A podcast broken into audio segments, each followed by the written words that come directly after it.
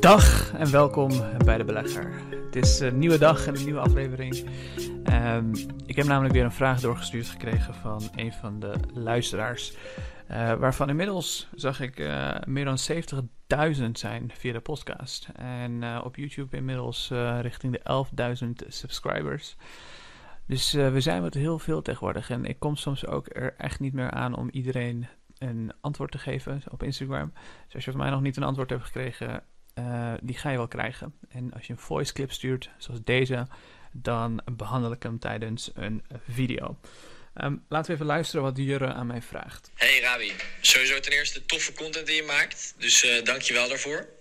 Ik zag uh, een aantal keer Dropbox voorbij komen in je Bucks-account. En ik vroeg me af, wat is jouw redenatie daarachter? Ik zie het ook veel voorbij komen bij um, Amerikaanse YouTubers. Um, ik dacht, ja, wat is jouw onderbouwing en hoe zie jij dat aandeel de komende tijd? Dankjewel alvast. Nou, top, bedankt uh, voor het doorsturen, Jere. Uh, mochten andere mensen vragen hebben, dan uh, kan dat via Instagram. Stuur me een voice clip, dan behandel ik het. Um, maar Dropbox is inderdaad een hele kleine positie. Ongeveer 2000 euro geloof ik in mijn Bucks portefeuille. Dus in mijn totale portefeuille is het iets minder dan 1% van mijn uh, portefeuille. Dus ik, ben, ik was bereid om die risico te nemen, want het brengt wel enigszins risico's met zich mee. Maar de belangrijkste reden waarom ik in uh, Dropbox geloof is uh, simpelweg als je kijkt naar de financials. Um, ik zal het hier voor me halen als je het op YouTube bekijkt. Um, maar als je het ergens anders bekijkt, dan kan je Dropbox Investor Presentation even opzoeken. Maar wat je ziet bij Dropbox is dat ze continu blijven groeien. Dus de omzet sinds 2017 uh, is per jaar ruwweg uh, 14% gegroeid. Uh, operating, income keihard gegroeid. Recurring revenue keihard gegroeid. Free cash flows keihard gegroeid. ARPU, dat betekent dus hoeveel ze per gebruiker, per user aan omzet behalen, is gegroeid. Al die cijfers die laten mij zien dat dit een gezonde, groeiende bedrijf is. Terwijl als ik naar de koers kijk, zie ik dat het sinds de IPO uh, alleen, maar, alleen maar omlaag is gegaan. En dit zijn precies de typische aandelen waarvan ik zeg, nou, ik zie hier kansen. En wat ik dan doe, is ik kijk naar het bedrijf zelf. Ik maak een fundamentele analyse. En in geval van Dropbox, als je gewoon naar het bedrijf zelf kijkt uh, en je zoomt uit, een paar jaar geleden Um, hadden heel veel mensen problemen met documentjes en al dat soort zaken. Dus wat Dropbox deed is een heel makkelijk uh, concept maken waarmee jij al je documenten, al je foto's, video's, etc. gewoon online kon bewaren.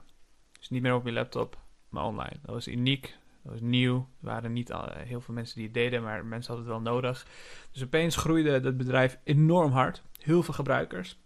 En dat is dus ook precies hoe de meeste mensen Dropbox vandaag de dag kennen. De meeste mensen denken nog steeds dat dit een file sharing bedrijf is, maar dat is het al lang niet meer. Uh, Dropbox heeft zich moeten aanpassen.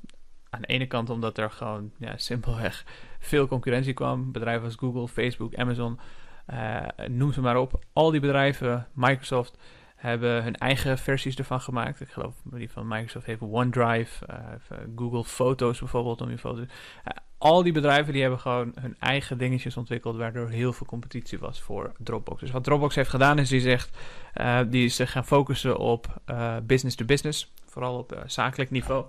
En wat ze hebben gedaan is, ze hebben de Smart Workspace gecreëerd. Uh, wat ook weer de Social Workspace soms wordt genoemd. De concurreert zelfs direct met een bedrijf als Slack, waar mensen met elkaar kunnen uh, uh, spreken, comments achterlaten, likes, dat soort zaken, documenten met elkaar delen.